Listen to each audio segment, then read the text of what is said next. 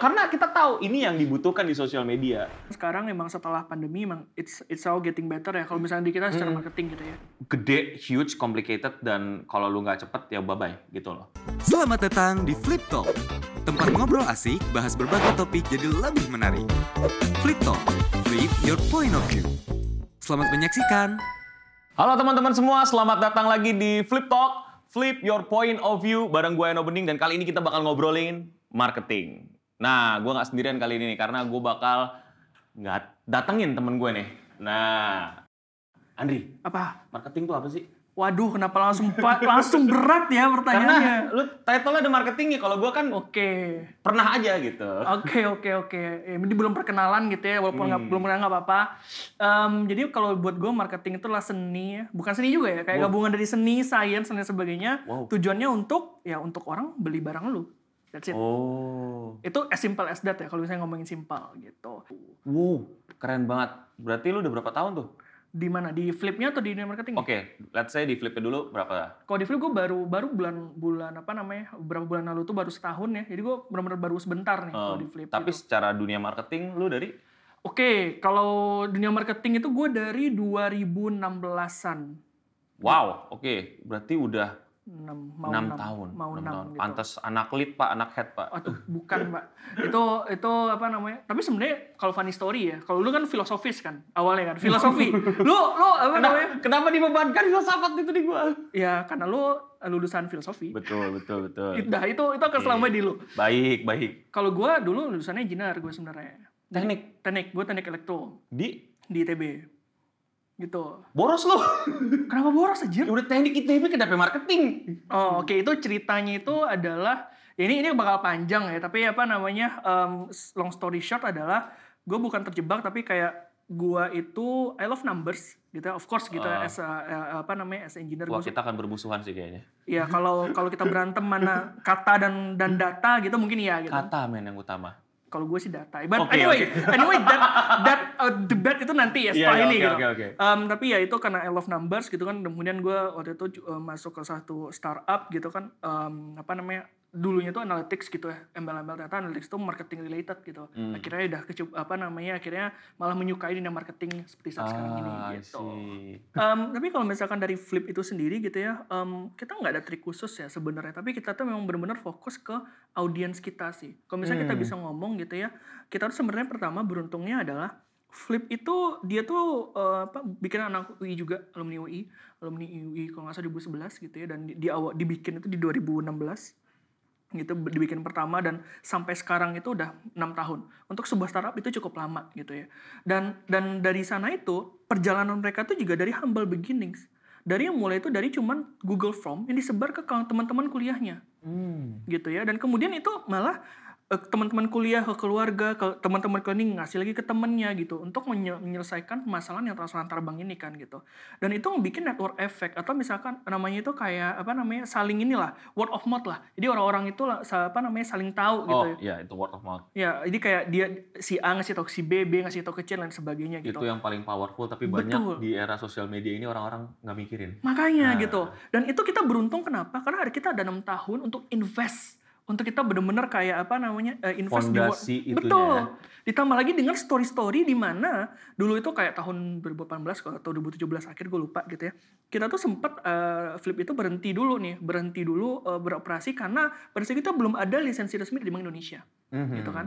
Dan kata Bank Indonesia kenapa? Karena orang-orang yang kirim uang ini gitu, yang udah baik gede-gede nih kirim uangnya itu butuh melalui proses verifikasi identitas terlebih dahulu. Hmm. Jadi kayak pakai KYC, KTP gitu gitu lah ya, gitu. Agar apa ya? Agar itu tadi agar kita bisa memastikan bahwa uang itu dikirim untuk kebutuhan yang benar, yang apa namanya? yang benar gitu, bukan bukan money laundering dan sebagainya. Hmm, bukan buat ini ya apa nanam kripto. Ya em, nanam kripto, ya pokoknya bukan hal-hal yang melarang hukum ya. Oke oke. Oke, jadi biar biar tidak bias nih kita nih. Hmm. Nah, kemudian apa namanya di saat itu juga ada satu eh, apa namanya insiden event di mana oh untuk orang-orang yang sebelumnya udah pernah menggunakan Flip, menggunakan Google Form dan sebagainya agar tetap menggunakan Flip lagi, itu mereka tuh harus eh, verifikasi identitas kan. Pada saat itu kita waktu itu belum apa namanya belum punya sistemnya, kayak pakai HP belum. Akhirnya apa? Ya udah, semua pengguna Flip Existing ini kalau mereka mau identi- identifikasi diri atau verifikasi identitas, itu mereka bertemu dengan anggota tim Flip yang lain di tempat-tempat ditentukan. Hmm. Jadi kayak di Alfamart di sini, di stasiun ini, Hmm. Alfamart dekat stasiun apa dan sebagainya. Itu bahkan semua co-founders juga juga turun tangan, juga turun ke lapangan gitu. Dan itu membuat apa namanya di another story gitu. Jadi kayak em, apa namanya orang-orang yang udah makin lama gitu, mereka punya cerita bahwa mereka dulu pernah bertemu dengan salah satu dari co-foundersnya Flip gitu. Ada ada ada di salah satu sosial media kita juga cerita, mereka bilang Flip ini udah tumbuh ya dari dulu saya ketemu dengan Kak Raffi, Raffi itu Ari uh, CEO kita di uh, waktu uh, waktu saya identifikasi apa namanya verifikasi identitas gitu. Dan itu tuh jadi apa? Jadi cerita-cerita tuh, cerita-cerita yang bertambah yang kemudian menunjukkan apa namanya em, kedekatan antara Flip gitu ya sebagai sebuah brand gitu dengan dengan customernya dan bukan cuman itu Flip itu juga ikut bertumbuh dengan customer-customer lamanya ini Hmm. dan itu yang menjadi apa namanya uh, one strongest point lah especially di social media Nah, kenapa kenapa karena this apa namanya this uh, genuine genuine interaction gitu interaksi-interaksi yang benar-benar apa adanya tidak settingan itu membuat apa namanya followers kita naik gitu. Of course dan engagementnya juga juga happy dan apa juga positif gitu. Positifnya itu bukan berarti kayak engagementnya tinggi dari angka ya tapi konteks dari dia engage itu juga positif gitu. Ah. jadi itu yang apa namanya yang waktu gue masuk itu yang gue lihat bahwa oh this is one of the strength yang dimiliki sama Flip gitu loh. Investment yang udah waktu saya gue masuk berarti lima tahunan gitu kan. Dan kemudian kita bisa capitalize untuk eh, apa ke sana sekarang gitu. Ini ini poin yang bagus banget karena banyak banget gue lihat di luar sana tuh orang yang nggak invest ke produknya tapi invest di marketingnya doang. Jadi mereka nggak pede sama produknya, jadi mereka pede di marketing. Nah itu malah jadi kacau kalau menurut gue. Karena dan yang nyebelin ya di gue sebagai orang yang kade, eh, yang di hire sama mereka untuk memperluas eh, apa ya word of mouth, awareness dan lain-lain tentang produknya. Jadi jadi jadi mikir-mikir bentar nih gitu loh. Kalau misalnya kita mau bikin orang ngomongin produk lu doang, ya oke gitu. Tapi ketika orang itu bakal betah repeat order kah, pakai Ya, lagi ya. kah, loyal kah, itu bisa tanda tanya karena dia sendiri juga ragu sama produknya dan ini menurut gue jadi contoh eh, yang sangat menarik gitu bahwa Flip ini fondasinya dulu yang dibangun, Betul. pede dulu sama produknya dan menggunakan sosial medianya itu bukan cuma cari followers. Nah ini banyak nih orangnya bikin sosmed followersnya besok seribu ya kasih Ya. tim sosmed itu. Ya. Lu, ini gue kasih satu juta, besok followers seribu gitu kan. Itu tim sosmednya langsung gali kubur kayaknya itu. Gimana cara mikirinnya gitu kan. Iya, iya. Sedangkan Flip ini penting banget dan teman-teman juga bisa ambil text point dari sini tuh kayak fondasinya udah rapi, sosial media dijadiin community platform. Betul. Jadi orang-orang ngobrol di situ, word of mouth-nya masih nyala di situ dan akhirnya jadi genuine interaction, jadi engagement rate sendiri, followersnya juga nambah sendiri. Ya gitu. Jadi kita, kita ngeliat tuh kayak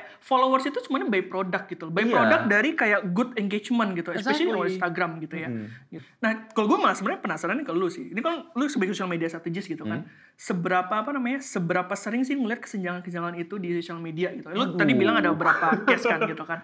Cuman I also know kalau misalnya lu udah ke, apa me- me- memberikan layanan remote agency ini tentu banyak banget nih ya kayak, kayak klien yang Uh. agak-agak gimana gitu. Nah ini dari lu gimana? sebenarnya banyak ya, gak hanya dari waktu udah punya Gua agensi. makan ya. Oh ya sambil lah, silakan silakan sok mangga. Ya. Eh, apa ya?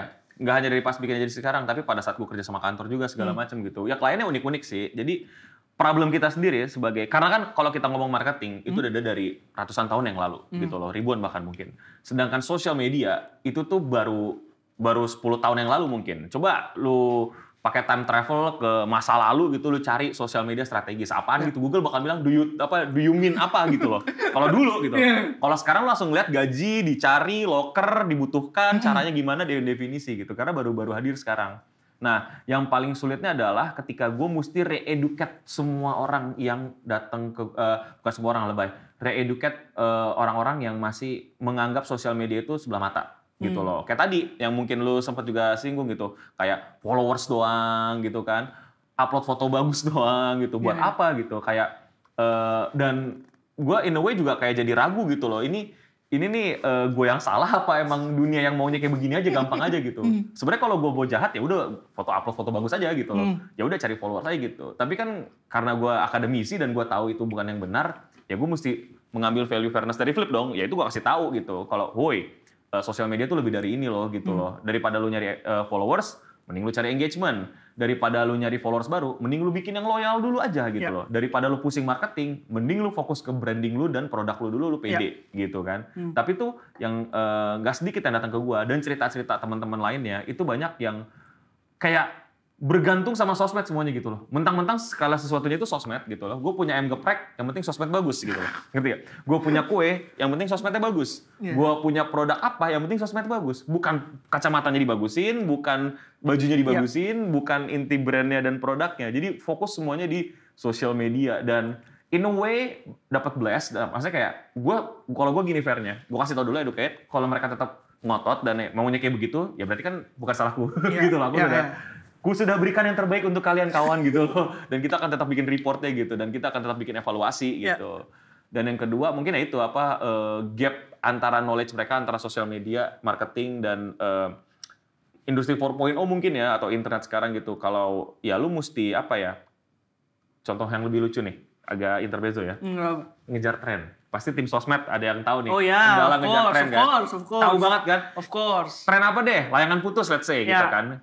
Kalau baru dibikin sekarang, ya itu tren putus namanya bukan layangan Ya, putus betul. gitu loh. Sedangkan eh, beberapa kantor dan beberapa perusahaan itu ada yang namanya approval, Ya, namanya ya. itu. Sedangkan tren sosial media tidak butuh approval. Iya. Ya, Kan ada aja ada udah. dan bisa turun besoknya Iya, gitu loh. Naik betul. sejam atau nggak langsung besok turun Hmm. gitu loh. Nggak ada yang tahu. Jadi istilah kalau istilah orang-orang sekarang tuh namanya catch up the trend gitu loh. Catch up literally train gitu, ngejar kereta Hmm. Ya, gitu, ya. bukan lagi ngejar tren. Kalau misalnya lu nggak cepet ya udah gitu. Nah, kalau dari lu sendiri ngelihat tren antara sebelum dan sesudah pandemi ataupun sekarang, belum sesudah sih. Hmm. Sebelum dan ses- di saat pandemi ini kayak gimana sih? Oh, yang pasti go go sosial medianya makin gigas kan, karena Hmm, iya ya pasti, eh, logika aja kan, baliho, terus eh, TV-TV yang di jalan kan, karena orang makin jarang keluar kan, Ya, pasti brand akan berpikir untuk ya mendingan kita kasih ke orang yang presence ada di situ dong, itu Iya, betul. adalah di online gitu, makin Hmm. banyak orang di online gitu. Tapi eh, kalau kalian mungkin agak sedikit baca data, bahkan TV pun juga ketularan tuh, karena orang lebih banyak nonton TV, ya betul, karena betul. Karena makin sering di rumah gitu. Dan itu yang gue rasain sih adalah ya nambah kerjaan. Karena sosial sosial media gitu kan, yang balihonya nyantai, yang konvensionalnya nyantai, majalah nyantai gitu, TV nyantai, apa eh, TV-TV di jalan nyantai gitu. Kenanya ke mana? Ke sosial media gitu. Ayo yang postingnya cuma sehari sekali, sekarang jadi sehari tiga kali Ya, gitu kan. Belum lagi stories, belum lagi Stories, reel, reels gitu belum kan. lagi YouTube Shorts. TikTok sekarang mesti bikin juga gitu kan. Aduh, jadi ya sebenarnya eh, in a way rezeki ya, Ya. mungkin ya rezeki gitu. Tapi ya kerjaan tambah banyak dan sebenarnya sih eh harapannya orang-orang jadi lebih lebih paham gitu the power of social media itu sendiri gitu loh. Bukan tentang masalah followers lagi, tapi apa? Yang dipindahkan kan iklannya gitu. Tapi yang Ya. orang nggak sadar adalah juga presence-nya Betul. gitu loh. Berarti presence lu di sosial media nih kurang sampai Ya. ternyata lu mesti gedein lagi, lu mesti gas lagi gitu. Berarti mesti ada yang dievaluasi tuh fundamentalnya Ya. kah? Dan mungkin banyak yang teman belum tahu ya kalau misalnya di yang gue udah kerjain ya selama ini beberapa eh, brand terutama yang konvensional ya yang udah eh, kenal dan lain eh, yang udah lama-lama gitu ya. Mereka tuh membuat branding yang berbeda di konvensional di di media-media konvensional, Hmm. TV, iklan, baliho. Oke. Di sosial media beda lagi. Logonya sama, eh, brandnya sama, produknya sama, tapi beda. Bedanya gimana? Tolong bisa tolong dijelasin lagi nggak? Yang di konvensional mereka to the point. Jadi nggak ada lagi gimmick-gimmickan atau apa mon. Jadi pure aja udah iklan jualan dan Hmm. lebih biasanya lebih ke orang-orang yang emang udah eh, 20 40 gitu Hmm. dan eh, BC. Oke. AA, ABC malah gitu Ya. loh. Sedangkan di sosial media mereka tuh dibikin yang lebih asik, lebih maaf kata, mungkin ini kata agak menyinggung ya, agak alay gitu. Ya. Agak-agak lebih eh, eh, lebih ngikutin tren, lebih Hmm. lebih appealing ke anak muda dibandingkan yang Hmm. langsung jualan gitu. Jadi dia tahu gitu bahwa eh, lebih baik dibikin seperti ini. Ada kebijakan perusahaan yang seperti itu. Dan gue agak setuju sih, gitu. eh bukan agak setuju, setuju banget malah gitu loh. Karena ya bener gitu loh. Em, eh, di sosial media eh, kalau lu mau dapetin eh, presence lu dan lu emang pengen approach orang-orang di sosial media yang di mana mayoritas anak muda ya lu mesti appealing ke mereka. Ya benar. Nggak bisa dengan cara lu appealing ke ini gitu loh. Makanya banyak kan sekarang kayak admin sosial media tuh pengennya dipanggil min gitu. Ya. Dan bahkan kalau kalian lihat mungkin eh, kalau nggak salah perbankan juga ada banyak yang kayak Hai sobat, nggak lagi Ya, kayak ya. bapak dan ibu yang terhormat. Ya bukan lagi pajak Gitu. juga sama. Ah, ah, ya itu itu yang itu yang bener-bener menjadi poin banyak sering gue jadiin contoh dirjen pajak gitu loh kayak dirjen pajak nggak yang kayak ngirim pajak atau gimana Iya, gitu terus kayak apa eh, yang apa sih gue lupa deh ada contoh tweet orang pamer kekayaan adminnya sesimpel reply emosi-emosi gitu. Kan gitu. Halo kakak. Gitu. Nah udah gak pakai penjelasan gitu. But the, the social media culture udah ngerti apa yang dimaksud gitu. Dia tidak membahas dengan yang terhormat bapak ibu Iya, kami betul. tunggu kedatangannya di bla bla bla bla. Bisa hubungi nomor kami nggak? Dia cuma jawab Ditunggu ya. dicek DM kan gitu. Kadang kayak gitu gitu loh. Karena kita tahu ini yang dibutuhkan di sosial media bukan yang terhormat bapak ibu gitu loh. Dan itu salah satu strategi yang gue lihat berhasil gitu Tapi itu itu juga apa namanya mungkin karena memang uh, brandnya itu emang lamanya di konvensional Mm-mm. dan baru masuk ke uh, sosial media gitu untuk apa namanya ningkatin presence. Nah beda med- dan ini cukup beda ya dengan dengan Flip gitu. Karena Flip itu kita memang kita tuh besar tuh sosial media duluan. Betul, ini Gitu. karena dia sudah hadirnya di sosial media, Betul. awal berdirinya juga dekat dengan anak muda. Betul, gitu. betul. Jadi kita lebih enak nih ketika kita apa namanya? Jadi kita tidak apa namanya? Kalau tadi kan bikin jadinya bikin dua ya. Ah, ah. Kalau kita sebenarnya nggak kita cuman apa namanya? Oke, kita tahu bahwa ini channelnya beda. Jadi kan kan TV kan sebenarnya another marketing channel aja kan. Hmm. Nah kita cuman tetap menggunakan apa namanya soul yang sama dengan kita yang di sosial media. Nah itu tetap kita kita apa namanya kita bawa tapi kita adaptasiin doang gitu. Jadi kita Paling lebih enak. tweak wording dan Iya, lain-lainnya tweak aja. wording sama apa namanya dan tentu juga kayak teknikal ya. Misalkan Hmm. kayak oh ini kan kalau billboard ya tentu orangnya oh, apa nggak terlalu secepat itu. Ini cuma dilewatin sama, Hmm. sama mobil. Jadi kita emang harus sedirect itu. Tapi cuman cepat dan ngeliat gitu kan. Outbreak gitu. betul betul betul. Jadi ya kalau dari kita sih sebenarnya apa namanya yang kayak gitu tuh em, bisa dibilang salah satu advantage ya mungkin ya. Oh iya, gue setuju banget itu advantage buat Flip karena ya lu gak ribet. Iya makanya kita jadi nggak ribet gitu loh. Kita jadi nggak ribet banget gitu dan bahkan dengan adanya pandemi juga itu sebenarnya malah membantu kita sebenarnya. Hmm, Sesuai visi misi Flip kan, gak Betul. bikin orang ribet. Solusi Betul. buat orang yang ini ribet banget, pakai Flip aja. Eh, Ah. betul pakai flip aja gitu. Jadi eh, apa namanya kalau dari kita sih ngelihatnya kadang sekarang memang setelah pandemi memang it's it's all getting better ya kalau misalnya di kita secara Hmm. marketing gitu ya. Eh, walaupun memang ada ya kita juga nggak bisa apa namanya memungkiri bahwa ada orang-orang yang belum belum apa namanya belum terlalu bisa kita target di sosial media gitu. Tapi Ah. but then I think another apa namanya another inilah another discussion dan juga another way lah ya untuk bisa kita nge-reach mereka. Iya. Nah, tapi gue penasaran juga nih ya. Lu kan eh, apa namanya sekarang sosial media strategis gitu ya.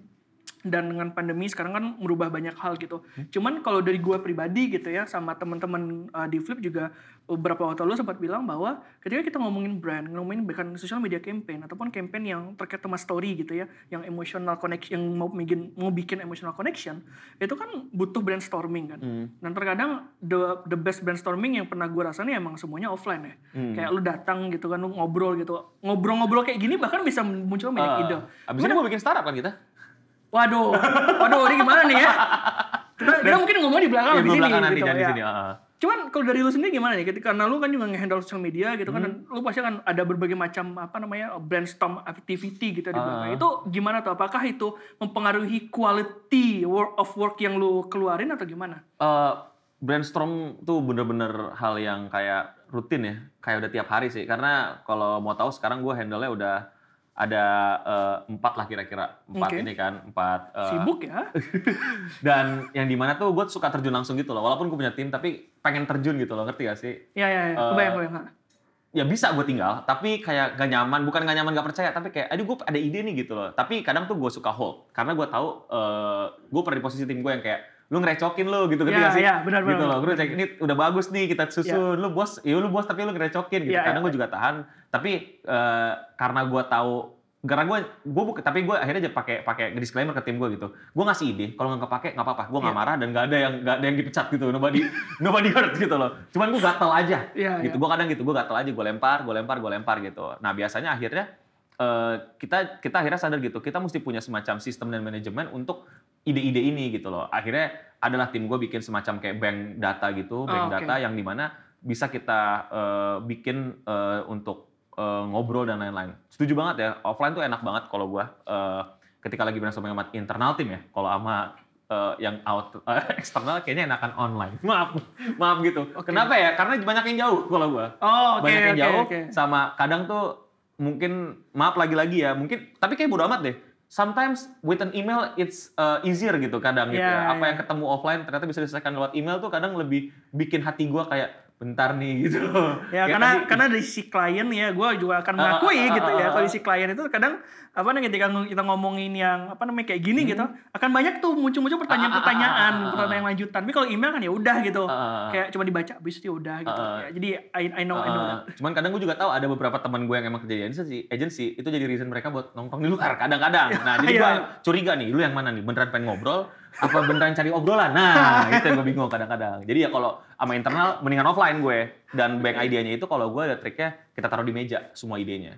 Gitu, Oh, brainstormingnya. Jadi kita nggak eh, ngelebar-lebar dan nggak ngaco gitu. Jadi semua ide tempel dulu pakai sticky notes di meja. And then kita eh, buang yang ini, nggak dibuang dikumpulin lagi, nanti di- dimasukin secara Hmm. Oh, oke. bank data online. Dan yang offline kita pilih which one is the best atau bahkan mungkin tiga yang terbaik atau delapan yang terbaik mungkin udah ketemu kita coba bikin draft kita di Oh. draft bahkan bisa di cut lagi ya ya dari ya. itu langsung kita eh, masukin lagi misalnya dua atau tiga baru kita present dua sampai tiga ke klien atau mungkin Oh, cukup oke. satu aja karena kita udah pede banget sama yang itu kadang-kadang oke. sih kayak gitu Ka- tapi kalau dari lu sendiri gitu ya, I mean, um, gue gak tahu ini udah berapa lama, cuman kalau menurut lu sendiri gitu ya, uh, wow, gimana sih marketing itu bakal menurut lu kita trennya ke depannya gitu, apalagi setelah Hmm. apa namanya masa integrasi dengan pandemi ini selesai gitu dan lain sebagainya. Eh, kalau gue ngelihatnya skala Indonesia ya pasti ya. Kalau di luar kan marketingnya tuh udah, apalagi negara-negara kayak Amerika gitu, dunia marketing tuh benar-benar yang udah gede, huge, complicated, dan kalau lu nggak cepet ya bye-bye gitu loh. Hmm. Bahkan kalau mungkin lu sempat eh, kepo-kepo gitu, advertisement di sosial media sama di iklan tuh udah beda banget. Kalau di Amerika gitu ya, di sosial media tuh to the point malah kebalikan. Iya. Sudah bisa berapa? Eh, beli pizza ini sekarang eh, di daerah Dapat- lu, dapat lu dapat diskon 50% gitu-gitu. Sedangkan kalau di luar sana mereka nggak ngomongin pizzanya enak, mereka ngomongin pizzanya ada bagian dari kekeluargaan, pizzanya Ya, adalah tentang ini. Jadi gue mungkin mungkin Indonesia akan masuk ke tahap itu sebentar lagi, yang Ya. di mana mereka sadar kalau jangan jualan mulu lu gitu loh. Lu juga perlu rapiin brand lu gitu loh. Ya, Bagaimana story brand lu itu eh, dekat dengan sebuah kata atau dengan sebuah story atau sebuah emotion gitu. Iya, iya, iya. Nah, sedangkan sekarang tuh pure semuanya jualan, jualan, jualan, meme, tren gitu loh. Mereka lupa fondasi mereka nih gitu loh. Apalagi eh, di luar di, bahkan di, di, di Amerika dan di beberapa negara di Europe, brand-brand besar pun juga reconstruct foundation mereka gitu loh. Yang Hmm. tadinya mungkin eh, brand A gitu ya, yang lebih ke keluargaan, sekarang lebih ke anak muda. Atau kebalikannya, brand yang ini anak muda banget, sekarang lebih ke family karena anak-anak muda yang dulu loyal pakai Ya, mereka betul. udah Tumbuh. jadi family Ya, benar, gitu. Nah, jadi udah udah bukan hal yang aneh lagi untuk rebranding siap-siap rebranding lagi lima tahun ke depan dan siap-siap rubah strategi marketing yang tadinya go digital banget sekarang diganti jadi go konvensional dan digital yang malah yang lebih sales gitu Iya, loh. iya. Dan itu sih yang gue lihat mungkin ke depannya di Indonesia. Tapi yang yang yang yang lebih mengerikannya lagi adalah evolusi teknologinya. Yaitu adalah website nih Hmm. yang di mana nantinya eh, mungkin internet itu udah 3.0 mungkin ya berhasil gitu dan di mana eh, blockchain, cryptocurrency and stuff mulai makin benar-benar mendominasi. Nah itu jujur nggak ada gambaran untuk marketing karena gimana ya eh, platform juga udah bebas kan. Jadi Iya, benar. eh, bukan lagi tuh lu lu nggak akan lagi bergantung sama yang namanya Facebook, Twitter, Instagram, TikTok dan lain-lain. Lu udah punya sendiri-sendiri, lu udah bahkan punya mungkin ada berbagai macam variannya lagi yang di mana gua nggak kebayang sejujurnya sampai sekarang eh, bakal seperti apa dunia sosial media marketing bahkan marketing secara keseluruhannya. Yang gua tahu pasti adalah itu nggak bisa dihentikan kalau misalnya udah nyampe sana dan kita nggak bisa lagi berbekal modal sosial media yang followers followers followers Iya, iya. eh, trending, trending, trending, viral, viral, viral. Pasti udah beda dan pasti udah ada berbagai macam cara lain. Dan ini pasti ngaruh ke semua sektor ya. Iya, iya. Tapi lu sendiri gimana? Apa kalau udah ada persiapan khusus nih buat lima tahun ke depan? Atau lu udah kayak baca nih lima tahun lagi, kayaknya marketing kita mesti senggol ini, senggol sana. sebenarnya kalau dari gue apa namanya ya gue gua tetap baca ya of course gitu ya kayak semua hal gitu bahkan kayak sebelum eh, apa namanya sebelum kan kayak beberapa waktu lalu kan Facebook udah habis earning calls gitu kan Mhm. dan itu kan sahamnya anjlok parah gara-gara sekarang gara-gara iOS udah- ya. no, iOS mengeblokir orang untuk Betul, apa betul. datanya bisa di-sharing sama Facebook. ah. itu itu emang kita ngelihatnya ke depannya sih emang akan banyak, makin banyak hal kayak gitu yang pertama tuh yang paling gue lihat adalah privacy will, will matters Hmm. itu privacy itu bakal jadi hal, apa namanya di Indonesia pun juga akan tetap naik tuh Maka naik tuh isu privacy. isu privacy akan tetap naik gitu kan dan itu menurut gue juga butuh untuk kita ngerubah our apa namanya marketing strategi gitu ya Mm-mm. kenapa karena emang eh, kalau misalnya kita nggak bisa lagi tahu orangnya itu ngapain gitu dan sebagainya Hmm. kita juga harus benar-benar pintar tuh gimana sih kita me-target user lain sebagainya gitu. yang kedua adalah of course gitu ya kayak new new apa namanya new new technologies new channels gitu kayak web 3.0 dengan NFT dan lain sebagainya metaverse gitu ya with this uh, virtual reality dan lain sebagainya itu memang apa namanya ke depannya itu akan menjadi salah satu tambahan ya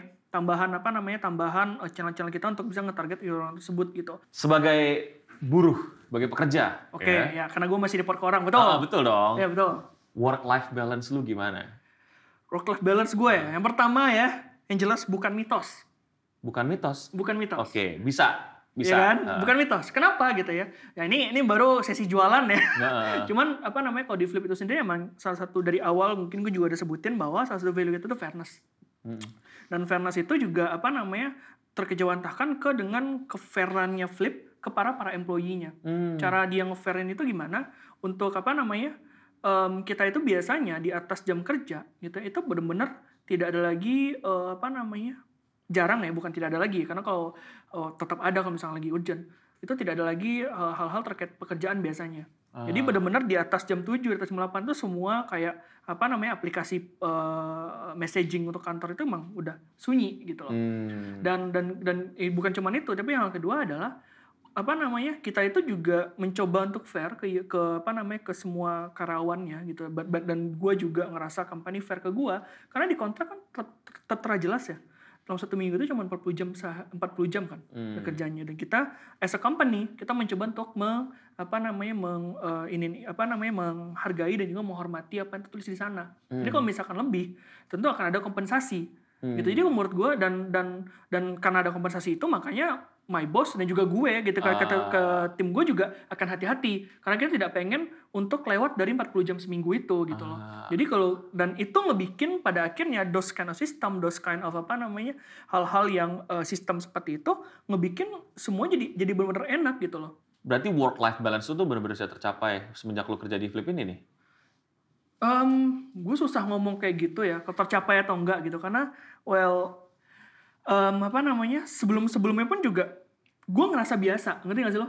Oke. Kayak s- some bad part of me gitu yang istri gue selalu ngomel adalah kayak em, gue terbiasa bekerjanya emang keras, bukan keras kayak waktunya tuh emang Hmm. kadang-kadang gue lupa waktu karena it's something yang excites me, you know gak sih? You, karena lu juga Lu ini, suka, ini joy lu. ini dia ini joy gue gitu kayak uh, seeing kayak ngelihatin gitu ya DM DM di Instagram gitu ngelihatin gimana kita Hmm. feedback orang. betul gitu dan tuh kayak part of joy gitu loh jadi kalau Exactly, misalkan exactly, exactly. ditanya gitu apakah tercapai ya gue bisa bilang bahwa gue nggak pernah ada masalah sama work life balance bahkan dari sebelumnya. Hmm. karena gue ngerasa bahwa this all is just apa namanya kayak benar-benar part of my apa namanya my hobby juga gitu. Hmm. kayak I love numbers gitu kan dan dan marketing itu benar-benar banyak banget numbers yang bisa kita lihat gitu kan. Dan kayak lo tadi gitu, eh, kita juga harus eh, apa namanya pintar-pintar untuk ngecek cek konteksnya gitu kan konteks dari datanya datanya apakah benar atau enggak dan sebagainya. Jadi kalau gue gue ngeliatnya work life balance tuh selama ini aman-aman aja tetapi yang bisa gue jadi bawain adalah semenjak gue di flip gue punya lebih banyak waktu untuk keluarga gue dan yes Ah, enak ya kerja di Flip ya. gitu. Jadi kalau misalkan emang teman-teman gitu kan pengen kerja di Flip juga, jangan lupa cek aja di karir.flip.id gitu. Karena itu bakal bakal ada tuh semua lowongan-lowongan pekerjaan kita. Ah, Gitu. bisa kalian teman-teman cek nih ya buat yang gregetan dan pengen nyoba dan emang lagi open locker kan? Em, harusnya ada, harusnya ada. Harusnya ketika ini apa namanya ditayangin juga masih ada Bisa dicek langsung. gitu.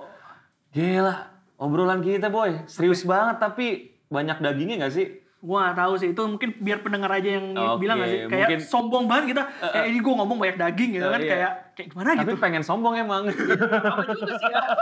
Jadi mungkin bisa komen di bawah nih daging nih dan daging apa yang paling daging yang kalian dapat? Ya, benar, benar, benar, benar. Thank you banget nih semua yang udah nonton di Flip Talk kali ini. Eh, jangan lupa untuk nontonin Flip Talk di episode lainnya. Gue Eno Buding pamit. Gua Andri Rahmati Jaya juga pamit. Sampai ketemu lagi. Dadah. Dah.